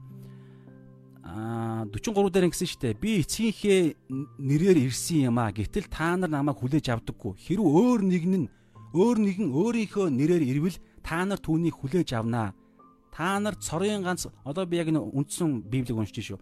44. Та нар цорын ганц бурхнаас алдыг хайдаггүй атлаа. Та нар гэж байгааз сонсож байгаа фарисеучуудыг хэлж байгаа. 43 дээр байгаа өөр нэгэн өөрийнхөө нэрийг барьж ирвэл гэж байгаа тэр нэг нэг биш. 44 бол шууд энэ сонсож байгаа хүмүүсүүдийг гээд ярьчихж байгаа байхгүй юу? Та нар цорын ганц бурхнаас алдрыг хайдаггүй атлаа бие биенээсээ алдрыг хүлээж авдаг. Тийм байж яаж итгэж чадах юм бэ гэд. Гэтэл яг энэ King James New King James дээр болохоор маш 43-тайгаа шууд хамааралтай байгаа байхгүй юу? За би яг 43-ыг а шинэ New King James-ийн орчуулгаар нь уншия а ерөнхийдөө иймэрхүү би яг бичээгүй ч гэсэн юм байгаа. How can you believe who receive honor from one another and don't don't seek the honor honor that comes from the only God гэж байгаа. Та нар хараа хүмүүсүүдээс алдрыг хайдаг авдаг нэгэнд алдрыг хайдаг мөртлөө цор ганц бурхнаас алдрыг авахыг хүсдэггүй тэр нэгэнд яаж итгэж чадна вэ гэдэг санаа. Та ойлгож байна уу? За би дахиад хэлье. 43 дээр ингэсэн шүү дээ. Хэрв өөр хин нэг нь өөрийнхөө нэрийг бариад та нар дээр ирвэл та нар түүнийг хүлээж авдаг гэчээд одоо би орчуулга юм ший. Та нар хүлээж авдаг. Та нар тэр Бурханаас биш хүмүүсүүдээс алдрыг хайдаг тэр нэгэнд та нар яаж итгэж чадж байна? Бурханаас алдаг, Бурхныг алдаршуулахын тулд биш. Бурханаас бас алдрыг хайдаггүй. харин хүмүүсүүдийг хүмүүсүүдээс алдрыг өөртөө авч өөрийгөө алдаршуулах гэдэг алдаршуулахаар ирдэг өөрийнхөө нэрийг барьж ирдэг тэр нэгэнд та нар яаж итгэж чадж байгаа юм бэ? Харин би бол Бурхныг алдаршуулахын тулд Бурхан өөрөө намайг гэрчилж, Бурхан аав намайг алдаршуул алдаршуулж би өөрөө Бурхны нэрийг барьж ирсэн надад итгэдэггүй мөртлөө Бурханаас алдар хайдаггүй. Бурхныг алдаршуулахын тулд биш. Хүмүүсүүдээс алдрыг өөртөө авч өөрийгөө алдаршуулахын тулд ирдэг хүмүүсүүдэд тэд нар итгэдэг гэдэг байгаа байхгүй юу? За одоо саяных ингэж уншвал илүү тодорхой байгаа юм. Иймэрхүү байдалтай түүхэнд нь одоо юу гэдгийг янз бүрийн иш үзүүлэгчтэй хүмүүс ирээд те янз бүрийн хүмүүс ирэхэд тэд нар одоо юу гэдгийг бурхныг доромжилсан ч юм уу тэдгээр хүмүүсүүдийг сонсдог. Харин Есүс би Есүс бурхан аавынхаа тэг гэрчлэлээр аавынхаа илгээсэн илгээлтээр би ирсэн гэж хэлэх үед тэд нар амар асуудалтай болоод байгаа юм. За ерөнхийдөө нэг иймэрхүү жоохон хүнд байна те. Аа гэхдээ маш чухал санаа байгаа. За эндээс бүгдээрээ зүгээр яах гэж үзье. Аа юу гэдэг хэрэгжүүлэлт ч юм уу те өөрсөдтэйгоо жоохон хамааруултай хамааралтай болох гэж оролдож үзье зүгээр. За Есүсийн нэг зорилго түрүүн би хэлсэн шүү дээ. Хэдтэй байла? Аа 31 дээр байна уу? Тийм. Йохан 5:31 дээр ингэж дээ. Хэрв би өөрийнхөө тухай өөрөө гэрчилвэл гэрчил минь үнэн биш ээ. Есүс өөрөө өөрийгөө гэрчилдэггүй. Би бол ийм одоо бүгдээ өөртөө жоохон хамааралтай байдлаар гарах гэж үзье. Цаад нэг зарчмын те. А энэ дэр бол яг Есүсийн талаар ярьж байгаа шүү. Биднийг эндээс нэг зарчим гаргах шаардлагагүй. Гэхдээ зүгээр ерөнхийдөө бүгдээрээ цаана байгаа үннийг өөрсдөө жоо хэрэгжүүлэх гэж оролдож үзье те. Есүс бол ингэж байгаа да. Өөрийнхөө талаар өөрөө өөрийгөө гэрчилдэггүй. Та нар та сайн мэдээний дөрөв номыг харах юм бол Есүс өөрийгөө Бурхны хүү гэж хэлсэн тохиолдолд маш ховорхон. Маш ховорхон. Дандаа өөр хүмүүсүүд хэлж ирсэн. Жишээ нь Матай 16-гийн 16 дээр Петр та бол Христ амьд Бурхны хүү гэж байгаа. Йохан 1 дээр Филипп Натанайл бүгдтэй та бол Бурхны хүү байна. Та бол Израилийн хаан байна гэд. Есүс өөрийгөө хин гэж хэлдэг гэж хүний хүү, хүний хүү, хүний хүү. Би хүн тэ хүн гэдэг дүр төрхөөрөө ирсэн. Тийм учраас үйлчлэл нь дандаа ариун сүнс эцэг бурхны тэр нэгдэл донд алдар нь хүртэл өөртөө биш эцэг бурхнаа алдаршуулж байгаа. Тэгээд өөрийг нь харин бусад хүмүүс гэрчилдэг, эцэг бурхан гэрчилдэг хийсэн ажил буюу ариун сүнсээр хийгдэж байгаа ажлууд нь түүнийг бурхны хүү месиа гэдэг нь гэрчээс харин өөрөө ерөөсөө өөрийгөө алдаршуулж байгаагүй. Тийм учраас бид нэр өнөөдөр ялгаа байхгүй. Эндээс ямар гэрчлэл гарахыг хүсэж байгаа вэ гэхээр би хэлдэгтэй сарны талаар бид нар биш гэдгийг үргэлж ойлгож явах хэрэгтэй. Бид зүгээр л зүгээр л сар одод байхгүй юу? Нар бол өөрөөсөө гэрэл өөрөөсөө ирч инээр гаргаж идэг. Харин бид нар бол зүгээр нарны тусгалыг өөр дээрээ ойлгоод гэрэлтэж харуулдаг сар байгаа даа байхгүй юу? Эсвэл зүгээр толь гэдэг юм уу те? Биднэрт их усүр гэж байхгүй Өнөөдөр бид нар юу гэдэг мэрэгүү ухаан өгөгдөж өгөгдсөн байж болно. Бид нар өнөөдөр сайхан гоо сайхан царай өгөгдсөн байж болно. Бэлэг авьяастай дуулах, муулах янз бүрийн англи хэлмэл ч юм уу гой гой бэлэг авьяас өгөгдсөн байж болно. Энэ бүгд биднээс биш гэдгээ үргэлж ойлгож явах хэрэгтэй. Тэгээд хардаа юу гэдэг а бидний талаарх гэрчлэлүүд байгааз бидний талаарх хүний гэрчлэлүүд л бид нарыг хин гэдгийг батлна хүмүүс бид нарыг те өөрөө өөрийгөө магтаж өөрөө өөрийгөө би ийм ийм хийсэн мэсэн гэж байгаа энийг бид хайх хэрэггүй гэсэн санаа байхгүй яг Есүс шиг бусад хүмүүсүүд бусад зүйлс бид нарыг гэрчилж байвал тэр гэрчлэл үнэн болно гэсэн үг. За ийм нэг зүгээр хэрэгжүүлэх гаргаж цааш явъя гэдэг үсмөрөө. За тэгээд ерөнхийдөө 45 дээр эцгийн минь өмнө би та нарыг буруутгах нь гэж бүү бодоо. Та нарыг буруутгах чинь та нарын найдвараа тавьсан Мосе мөн. За Есүс Иохан 3:15 дээр 17 дээр ирсэн зорилго нь байгаа. Иохан 3:16 дээр Бурхан ертөнцийг үнэхээр хайрласанд бол цорын ганц хүүгээ өгсөн. Хүүд нь итгэж хинч мөхөхгүй. Итгэдэг хүн мөхөхгүй харин мөн хамтаа болно. Тэгээ Иохан 3:17 дээр юу гэж байгаа гэхээр Бурхан ертөнцийг яллахын тулд биш. Буруутгаж шүүж яллахын тулд биш. Харин хүүгээрээ хүүгээрээ дамжуулан ертөнцийг аврахын тулд ертөнц Есүсийг илгээсэн. Яг энийг хэлж чинь 45 дээр. Иохан 5:45 эцгийн минь өмнө би та нарыг буруутгах нь гэж бүү бод. Би та нарыг буруутгахгүй. Би та нарыг аврахаар л ирсэн. Гэхдээ энд маш чухал байгаа. Энэ ертөнц эргэж байгаа энэ гин нүглийн хууль, үхлийн хууль, энэ орчлын ертөнцийн цаана ажиллаж байгаа сүнслэг том тогтолцоо. Бурхны мөн чанар те тэр Бурхны шудраг байдал гэдэг юм уу те а одоо юу гэдэг энэ амьд дэлхийн ертөнцийн цаана ажиллаж байгаа дэлхийн хууль гэдэг юм уу тэр та нарыг буруутгах гэсэн санаа За би уншия 45. Та нарыг буруутгах чинь та нарын найдвараа тавьсан Мосе мөө. Яг энтэй адилхан юу байгаа гэж Мосе гэж юу Мосе гэж чиний хэлж байгаа юу хэлж байгаа вэ гэхээр хуулийг хэлж байгаа. За тэр Израилийн түүх яг одоо таны хувьд монголчууд бидний хувьд юу гэж Есүс биднийг юусоо буруутгадаггүй. Бурхан аав биднийг буруутгахгүй. Гэхдээ юу бид нарыг буруут бид нар явдий биднийг буруутгадаг юм байгаа байхгүй юу? Тэр нь юу вэ гэхлээрэ бидний үйлс, үйлс. Одоо чи надад гítэл хүмүүс яадаг гэж амар сонио итгэгч биш хүмүүсүүд бүр тодорхой. Яадаг вэ гэхээр өөрийнхөө үйлсээрээ бахархаж бардамнана. Би ийм юм хийж бүтээсэн. Надад ийм мөнгө төгрөг байна. Би ийм миний миний миний би би би гэдэг тэр зүйлсүүдээр бардамнаж бахархдаг. Тэгэхээр энэ нарда яадаг гэж автоматар орчлон ертөнцийн тэр цаана адилж байгаа том сүнслэг тогтолцоо хууль үгдээ өөрийнхөө үйлсийг чухалж байгаа би гэж байгаа Есүс биш те Бурхны аврал хайр өршөөл нэгүсэл биш. Миний чадвар би миний царайлаг миний чадвар авьяас мөнгө санхүү миний сайхан сайн үйлс мүс гэд би би гэдгээ чухалжлаад тэрийг тэр замаар явах гээд байгаа хүмүүсүүд автоматар нэг зүйл рүү ордог. Тэр нь юу гэхлээр үйлсийн хууль гэж ярьдаг байхгүй Есүс а Есүсийн хоёр дахь ирэлтээр Есүс хоёр дахь ирэлтээр энэ дэлхий дээр бүрээн Тэнгэрлэгч нарын бүрээн дуугаар бүх үхсэн амьд бүх хүнийг агуу цагаан хаан сентений өмнө шүүхээр ирнэ штэ. Тэр шүүлт нь ямар шүүлт вэ гэхээр үйлсийн шүүлт. Үйлсээр нь шүүн. Аврал бол үйлсээр биш. Биднэрт өнгөө бэлгээр өгөгддөг. Тэгэд харин эцсийн өдөр бол хоёр дахь ирэлтээр агуу цагаан хаан ширээний өмнө болох шүүлт бүх үндэсний үхсэн амьд бүх хүнийг шүүх шүүлт юу гэхээр үйлсээр шүүгддэг. Ягаад гэвэл бид үйлсээрээ гим үлдсэн учраас гим нүглийн шийтгэл болох а ямар ч гим нүгэлгүй байгаа хүн л аврагдах хэрэгтэй байхгүй юу? Им үйлсэл яригддаг. Тэгээд хэрвээ ардаа Есүс Христэд Есүс Христэд итгээгүй хүмүүс яах вэ гэхээр шууд автоматар а Есүс Христ надад хэрэггүй. Би Есүс Бурхан надад хэрэггүй. Есүс Христийн загалмайн үхэл золиос надад хэрэггүй. Би өөрийнхөө үйлсээрээ хуулиудыг биелүүлээд гин нүгэлгүй амьдрч чаднаа гэсэн нэг тийм байдалд өөрөө хүн орж байгаа гэсэн санаа байхгүй. Тийм учраас Есүс Христийн дотор л биш бол бүх хүмүүс үйлсээр шүүгдэнэ. Тэгээ үйлсээр шүүгдэхээр юу яах вэ? Ром 3 дээр байгаа шүү дээ. Хуулийн үйлсээр зөвдөгдөх ямар ч боломжгүй. Хуулийн үйлээ хуулийн үйлсээр хинч зөвдөгдөхгүй. Зөвдөхөн гэж алга нэг ч алга гэж байгаа. Бүгд Ром 3:23 дээр бүгд нүгэл үйлцсэн тул Бурхны алдар суурд хүрдэггүй.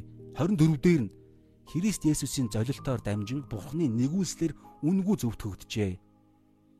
Яохан 3 Ром 3:20 дээр нь бол ингэж байгаа. Учир нь ямар ч махбод хуулийн үйлсээр түүний өмнө зөвтгөхгүй. Хууль нь нүглийг мэдүүлэгчл юм а гэж байгаа. Хууль нүглийг л мэдүүлэх зорилготой нэгдүгээр хоёрдугаар тэр нүглээс а иш үзүүлэгч нарын дунд те тэр нүглээс аврах цор ганц нэг нь л байгаа гэдэг энийг л ярьдаг байхгүй? Хүн болгон гим нүгэлтэй үхэх ёстой гэдгийг хууль хэлнэ. Тэгээд эндээс аврахын тулд нэг хүн гарч ирнэ. Тэрэнд л итгэх юм бол цор ганц найдвар байгаа гэдгийг хуучин гэрээ тэр чигээрээ санал болгодог, хэлдэг. За, ийм их юм ерөөхдөө ярьж байгаа гэсэн үг. Аа Тэгээд 45 дээр ингэж штэ эцгийн минь өмнө би та нарыг буруутгах гэж бүү бод. Тэгэхээр Есүс ингэж байгаа штэ бас бид нар өмнө үтсэн. А өчигдөр өмнөх хэсэг дээр байгаа. Нөгөө Йохан 5-ын 19-оос 29 дээр байгаа. Хүүгийн эрх мэдлгээд эцэг бурхан Есүс Христийг цор ганц шүүгч болгосон. Тэгээд Есүс Христ хоёр дахь удаага эрэхтэй энэ дэлхий дээр бүх хүн төрлөختний Есүс Христ өөрөө шүүн. Цор ганц шүүгч. Хоёр дахь эрэхтэй хоёр дахь удаа Есүс Христ дэлхийд ирэхдээ яах гэж ирэх вэ гэхээр шүүх гэж ирнэ. Шүүж, яллаж аа яллаж те буруу хүнийг нь яллахаар ирнэ. Үүсээр нь шүүхээр ирэх байхгүй юу? Харин эхнийх нь ирэлт нь ямар яаж ирсэн бэ гэхээр Иохан 3:15 17 дээр хэлсэн шүү дээ. Бурхан ертөнцийг яллахын тулд биш харин түгээр Есүсээр дамжуулан ертөнцийг аврахын тулд хүүгээ ертөнц рүү илгээсэн юм аа. Эхнийх нь ирэлт. Гэхдээ хоёр дахь ирэлтээр яах яах гэж ирэх вэ гэхээр үүсээр нь шүүж тэгээд нэг л гим олдох юм бол шууд ялдаж мөнхийн тамд сатаанд чөтгөр зориулсан галт нууранд хаяхаар ирнэ гэж байгаа байхгүй юу? Тэр утгаараа 45 дээр хэлж байгаа. Би та нарыг буруутгахгүй харин та нарыг буруутгах гэдэг нь та нарын найдвараа тавьсан мойсо буюу хууль юм аа. Та нар хэрүү те Есүс надад хэрэггүй. Би өөрийнхөө хүчээр амьдраад чадна гэж хэрүү хин нэгэн хилжил байгаа бол тэр хүн яаж байгаа гэж надад бурхан хэрэггүй, надад аврал хэрэггүй. Би өөрийнхөө хүчээр аврагдаж чадна. Би өөрийнхөө хүчээр үхлийн дараа тэр шүүлтийн өдөр очихдоо миний үүс, Би үйлсээрээ үйлсийн хуулаар шүүгдэх үед миний үйлс намайг аварч чаднаа гэдэг ийм юм амар том дуурж байгаа гэсэн үг байхгүй юу. Тэгээд гэтэл энэ хууль нь өөрөө юу гэж байгаа вэ гэхээр дэх аврагдах хүн ямар ч боломжгүй гэж хууль нь тодорхой заагаад байгаа. Тийм учраас маш аюултай байдал байгаа гэсэн үг байхгүй юу. Хэрвээ Есүс Христийн дотор явдаггүй юм бол за 46 сүүлийн хоёр ишил хэрв та нар Мосед итгэсэн бол надад итгэх байсан. Учир нь тэр миний тухай бичсэн юм а түрүүн биелсэндээ эхлэл 3:15 дийдх бол 18:17 дээр байна. Бас Йохан 1:45 дээр бас байгаа түрүүн биелсэн те. За аа тэгээд 47 дугаар сүүлийн ишлэл харин та нар түүний судар бичгт итгэхгүй бол яаж үгэнд минь итгэх вүлээ. За дөрөв биелсэн шүү дээ. Өнөөдрийн хэсэг бол ерөнхийдөө фарисеучуд хуулийн багш нарын нарт хандаж ярьж байгаа хэсэг багхгүй. За хэрүү зүгээр өнөөдөр бид нар өөрсөдөө хамааралтай бодох гэж үзэл л да. Бидний хувьд тэгвэл хууль биднэрт байгаагүй те. Бид нар тэгтээ юу байгаа вэ гэхээр Ром 1 дээр байгаа. Юу гэж байгаа вэ гэхээр мэс чанарын хууль гэж байдаг. Мэс чанарын хууль. Тийм учраас бид нар сайн мэдээ тараахтаа энэ мэс чанарын хууль хуулийг бид нар барьж хүмүүсүүдийг гимтэй гэдгийг нь ойлгох хэрэгтэй байхгүй. Израильчууд бол өөрсдөө угаасаа а хууль үндэс нь анх тэр Авраамаас Израиль үндэст эхэлж байгаа шүү дээ. Бүүр анханасаа бурхны хүмүүс учраас хуулийг барьж явсан учраас тэд нар гимтэй гэдгээ бүгд мэдж байгаа ярих шаардлагагүй. Харин монголчуудын хувьд харь үндэстнүүдийн хувьд хууль өгдөөгүй шүү дээ. Зөвхөн Израиль үндэстэнд л байсан. Тэгэхээр харь хүмүүсүүдэд бид сайн мэдээ тараахтаа яах вэ гэхээр сайн мэдээгээ дангаар нь яриул яана гэж сайн мэдээ хэрэггүй байхгүй да. Сайн мэдээ хэрэггүй. Аюул байгааг мэдэхгүй хүмүүсүүдэд аюулынх нь аврах авралыг яриад За наад зохиолсон үлгэрээ яах вэ? Наад чи худлаа угаас зүгээр шашин гэж ярина. Тийм учраас бид сайн мэдээ тараахаас тараахтаа яг тэр Библийн тэр үндсэн тогтолцоо буюу хуучин гэрээний хилдэг санааг эхэлж заавал ярих хэрэгтэй байхгүй юу? Тэр нь хүн болгон гимтэй гэдгийг. Хууль хуучин гэрээ чинь хүмүүсүүд хуучин гэрээний хууль чинь түрүүн Ром 3-ын 20 дээр байсан шүү дээ. Хууль бол нүглийг мэдүүлэгч. Нүгэлтэй гэдгийг ойлгох зорилготой. Тэгээд хуулийн үйлс Ром 3:23 дээр те зөвхт хүн юу хуулийн үйлсээ зөвдөгдөх хүн ямар ч боломжгүй бүгд нүгэл үйлснэр бухны алдар төрдөггүй. Тэгэхээр бид нар Ром 1 дээр байгаа те хүн болгоны дотор мэс чанар гэж байгаа. Бурхны эхлэл дээр хэлсэн шүү дээ. Хүн болгон Бурхны дүр төрхөөр бүтээгдсэн. Бурхны дүр төрхөөр бүтээгдсэн. Тэр дүр төрх нь Бурхны мэс чанар дотор нь Бурхны мэс чанар байгаа байхгүй юу? Ариун байхыг хүсэх мэс чанар. Цэвэрхэн байхыг хүсэх мэс чанар. Амар гоё те бусад бусад хүмүүсүүдийг хүлээн зөвшөөрөгдөх мэс чанар. Тэгээд гим нүглийг гим нүглийг өвөлдөхгүй байх, гимтэн хүмүүсүүдийг шийдгэх, шудраг байх. Энэ бүх зүйлсүүд чинь Бурхны дүр төрхөөд илрэл байхгүй? Тийм учраас бид шудраг байдал а гим нүгэл бузар муу гэсэн энэ бүх нь Бурхны Ром 1 дээр байгаа те а хүн мэс чанар нь хүнийг мэс чанарын хууль нь хүмүүсүүдийг буруутгадаг гэж байгаа байхгүй? Тийм учраас үндэстэн болгонд хууль гэж байдаг. Үндэстэн болгонд хуулийг сахиулах цагдаа гэж байдаг. Үндэстэн болгонд үндсэн хууль нь гэж байдаг. Тэг үндсэн хуулиудыг анзаарахаар аливаа бүх үндэсний улс үндэстний үндсэн хууль нь дандаа тэр мэс чанарын хуулийн дээр суурилдаг. Тэгээ бузар мөн хүн аалж болохгүй те а худлаа те хулгай хийж болохгүй болохгүйгээд та анзаарах юм бол 10 хуулиар ерөнхийдөө суурилдэж байгаа. Мэдээж өмнөх нь бол өмнөх 5 нь бол байхгүй.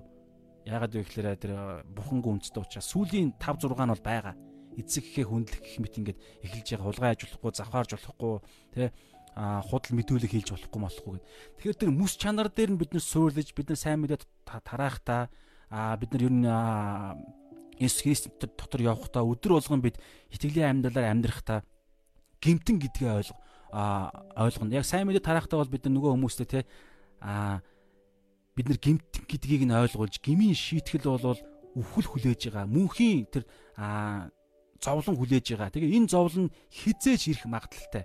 Үхэл хизээж ирэх магадaltaй. Тэг гих мэтчлийн энэ аюулыг нь эхэлж ярьж иж яана тэгвэл яах юм бэ вэ? Харин энэ гайхалтай аврал бурхны хайр сайн мэдээ байна гэд хоёрдугаарт нь сайн мэдээ ярина гэсэн санаа. За энэ яг хоёр дахь зүйл хажуугийн зүйл байлаа. Тэг өнөөдрийн чимээгөө цагийн хамгийн гол ойлгох ёстой зүйл юу вэ гэхээр Есүс Христ бол а та бол Христ амьд бурхны хүү гэдэг Матай 16-гийн 16 болсон бидний итгэлийн амьдралын итгэлийн суурь болсон тэр Есүс Христ бол аврагч бурхны хүү буюу бурхан аврагч бурхан гэдгийг баталдаг гайхалтай баталгаан дөрвөн баталгаа байна. Нэгдүгээрт Йохан Баптист байна. Йохан Баптист байна. А энэ яг Израильлууд гэдэг утгаараа байгаа. Хуучин гэрээний иш үзүүлэгч нэгс санаа бас байгаа байхгүй. За Йохан Баптист байна. Хоёрдугаарт Есүс Христийн өвөлдсөн гайхамшгүйдний Есүс Христийг Христ Месиа Бурхны хүү гэж баталдаг. Гуравдугаарт нь эцэг Бурхан өөрөө баталдаг. А Тэнгэр заагдаж та энэ бол миний хайртай хүү түүнд миний таалал оршдог гэж хэлсэн. Дөрөвдүгээрт нь бичээс бичээсүүд тэр 330 орчим иш үзүүлгүүд иш үзүүлгүүд Есүс Христийг а Христ Месиа тэгээ аврагч Бурхны хүү буюу Бурхан гэдгийг нь баталдаг. Тийм учраас хардаа бид нар Есүс Христ хуучин гэрээг судлах нь ямар зорилготой судлах вэ гэхээр Есүс Христ үнэхээр аврагч мөн гэдгийг ойлгохын тулд бид судлах хэрэгтэй бас нэг талаараа. Тэгээ хуучин гэрээ баталдаг гэсэн үг байхгүй юу? За ерөнхийдөө ингээ өнөөдрийн хэсгийн агуулмж байлаа. Нилээн хүнд байсан. Тэгээ би бас нилээн ээрдэг байсан гайгүй болсон ч гэсэн бас зарим нэг хэсэг дээр бас нилээ ээрж байна. Та бас санахта миний төлөө залбирж өгөөрэй. Улам илүүгээр те алдаа мадаггүй ярьдаг байхын төлөө. За тэгээд хүнд ч гэсэн маш чухал ойлголт байсан шүү. Дөрвөн зүйл Есүс Христийг баталдаг гэж ярьсан. Нөгөө нөгөө дөрвөн гэрч гэдэг энэ ойлголт явдаг шүү. Нэгдүгээр та сайн мэдээний дөрвөн ном Есүс Христийг гэрчилдэг. Хоёрдугаарт саяны ярьсан дөрвөн гэрч. Баптист Иохан, ариун сүнс гурван эцэг хүү ариун сүнс бурхан байгаад байгаас тий. Энэ гурав өөрөө тэгээ баптист Иохан буюу хүмүүсүүдийн дундаас эмэгтэйчүүдээс төрөхсдөөс хамгийн агуу болсон баптист Иохан гэдэг энэ дөрөв хамгийн дээд дөрвөн их мэдл байхгүй юу? Дэлхийн хүн төрлөختний дэлхийн бүх ертөнцийн хамгийн дээд их мэдл өөрөө Есүс Христийг гэрчилдэгэ. Тийм учраас хэрэгжүүлт юу вэ гэхлээр бүгдээрээ хамтдаа Иохан 8:30 30-аас 32 дээр хэлсэнчлэн дагуу хэлсний дагуу те а Есүс Христ хэрв та нар үгэн дотор минь байвал үнэхээр миний дагалдагч юм уу? Тэгээд та нар үннийг олгоод үнэн та нарыг чөлөөлнө гэж байгаа шүү дээ. Бидний хүсэж байгаа хамгийн гол зүгээр шулуухан хэлэхэд бидний хүсдэг зүйл юу вэ? Гим нүгэлгүй тэ ямар нэгэн дайрал товтлогоонгүй бузар муугийн хүлээсгүйгээр эрх чөлөөтэй худал хуурмгийн дайралтгүйгээр эрх чөлөөтэй амьдрахыг хүсэж байгаа шүү дээ. Үүний тулд Йохан саяны хэлсэн 30-аас 8:30-аас 32-д юу гэж хэлж байгаа нөхөр үгэн дотор минь байвал гэсэн. Есүс Христийн үгийг нь судлаад, үгийг нь ойлгоод, үгийг нь хэрэгжүүлж амьдрал бидний хүсдэг бүх зүйл биелэх гээд байгаа байхгүй юу? Тэгэд хамгийн гол нь бид Есүс Христийн үгийг нь судлахгүй байна. Яагаад судлахгүй байгаа вэ гэхээр Есүс Христ та хэрэггүй гэж бодоод байгаа юм шүү. Амьдралд чинь та Есүс хэрэггүй гэж бодоод байгаа юм биш үү гэсэн асуулт байна. Би болоод байгаа учраас. Тэгэхээр болохгүй болохгүй байгаа байхгүй бид нар асар байгаа асуудал байгаа. Тэгээд 2 дугаар сая хэлж штий Ром бишээ сургаал төгс 3-5 дараа байгаа дээ. Бишээ ер нь бол юу сургаал төгсдөр хаасаагүй байгаа. Эзнээс эмээх нь мэдлэгийн эхлэл гэж байгаа. Хэрвээ бид Есүс Христ тэгээд Есүс Христийг хамгийн дээд эрх мэдэл гэж итгээд би амьдралынхаа эзэн болоод би боолн болёо гэж бид нар сонгоод гараа өргөөд гарын үсэг зурсан учраас л бид үнгүй аврагдсан шүү дээ. Тэгэхээр бид нар аврагдахдаа Есүс Христийг амьдралынхаа эзэн гэж хэлээд амьдрал үлдсэн амьдралаа би Есүс Христийг Бурхан Есүс Христ буюу Бурханы хүү болсон Бурхан болсон Есүсийг би дагаж амьдрнаа. Амьдрсан амьдралынх нь дүр зургийг нь загвараар нь би амьдрнаа гэж хэлээд гарын өсгөө зурсан. Тэгээ тэр тэгж амьдрах хүч нь буюу тэр ариун сүнс биднэрт өгөгдсөн. Яаж амьдрах бүх өгөгдлүүд нь Библиэлд байгаа. Тэгсэн мөртлөө бид өнөөдөр өдөр болгоныхаа өдрүүдээ яаж өнгөрөөж байгаа вэ гэхээр бид өөрийн мэдлгүй энэ дэлхийн урсгал руу орчоод байдаг байхгүй. Тийм учраас бүгдээрээ хамтдаа энэ цаг мөчид яг одоо ерөнхийдөө бол гимшээ залбираад өндөрлөе юу гэж юмшгүй гэхээр бид амьдралынхаа эзнээ Есүс Христийг болгоно гэж хэлээд та бол миний амьдралын эзэн гэж амаараа хүлээн зөвшөөрснөөр аврагдана гэсний дагуу тэгж аврагдцсан гэж бодоод байгаа хгүй аврагдцсан. Аврагдчихсан. Тэгээд одоо болно. Аврагдсан юм чинь тэгэл болоо гэж бодох гээд байгаа. Үгүй бид аврагдахдаа аврал хүргэх тэр итгэл итгэл нь юу ямар итгэл байсан бэ? Тэрээ бид тэрийг бид ойлгохгүй байна уу? Эсвэл тийм итгэл байгаагүй юм шүү. Хэрэг байгаагүй бол би яг одоо итгэх хэрэгтэй байгаа байхгүй. Тэр итгэл дээр нь байгаа шүү дээ. Рома 10:9-10 дээр та бол миний амьдралын эзэн гэж амаараа хүлээн зөвшөөрснөөрөө аврагдаж байгаа. Тэгвэл амьдралын эзэн тэгээд зүрхэндээ Есүс Христ үхсдээс амьлсан гэдэгт нь итгэснээрээс зүвт байдалд хүрнэ. Тэгэхээр амьдралын минь эзэн гэдэг дээр нь асуудал байгаа байхгүй юу? Нөгөө Мата дээр хэлж байгаа хоёр эзэн зэрэг үйлчлээд яваад байгаа. Тийм учраас бүгдээр хамтдаа худалч хүмүүс болоод байна. Бурхны хуур чадахгүй шүү дээ авралаа авахдаа би энэ дэлхий дээр Есүс Христийг амьдралынхаа эзнээ болгоно гэж хэлж аврагт аврагдчихад аврагдсныхаа дараа нь өдөр болгоныхаа амьдрал дээр зүгээр хүссэн амьдралаар амьдраад байгаа байхгүй. хүссэн юмаа хийгээд хүссэн цагаа мөнгөө бүх зүйлээ өөрийнхөө төлөө зориулаад өөрийн өөрийнхөө их ашигын төлөө Тэгвэл яах юм бэ? Эцсийн тэр өдөр хизээ мэдэхгүй шүү дээ. Тэр өдөр тэгвэл ингүүл яах юм бэ? Эзэм минь эзэм минь гэсэн болгон Тэнгэрийн хаанчл урахгүй. Ёс бусыг үүлдэж та нар надаас зайлж шилүүл яах юм бэ? Тийм учраас л биднэрт байнга сануулж ийн эзэн. Анх юу гэж хэлж гарын үсэг зурж авралыг өнгөө авсан бэ? Гэхдээ хараа сонио. Авралыг яг авсан бол уг нь ийм юм ярих шаардлагагүй байхгүй. Аль хэзээний зүрхэнд нь ороод ирчихсэн аа Есүс Христийн үгийг судлах гад бөө юм болж байгаа. Гэтэл харамсалтай нь ер нь бол хэцүү. Яг Библийн үг яриад ирэхээр, Библи судлаад ирэхээр, үнэн яриад ирэхээр итгэгч нар маань холдож эхэлдэг. Би зүгээр мэдэн таа ч гэсэн мэдж байгаа. Харин зүгээр ингээд дэлхийн ингээд сонио ачин, коронавирус сая энд тэнд басан дэлдэд дэлбэрэлт мэлбэрэлт жихийг нь гижигдэх юм ярихаар хүмүүс сонсч эхэлдэг.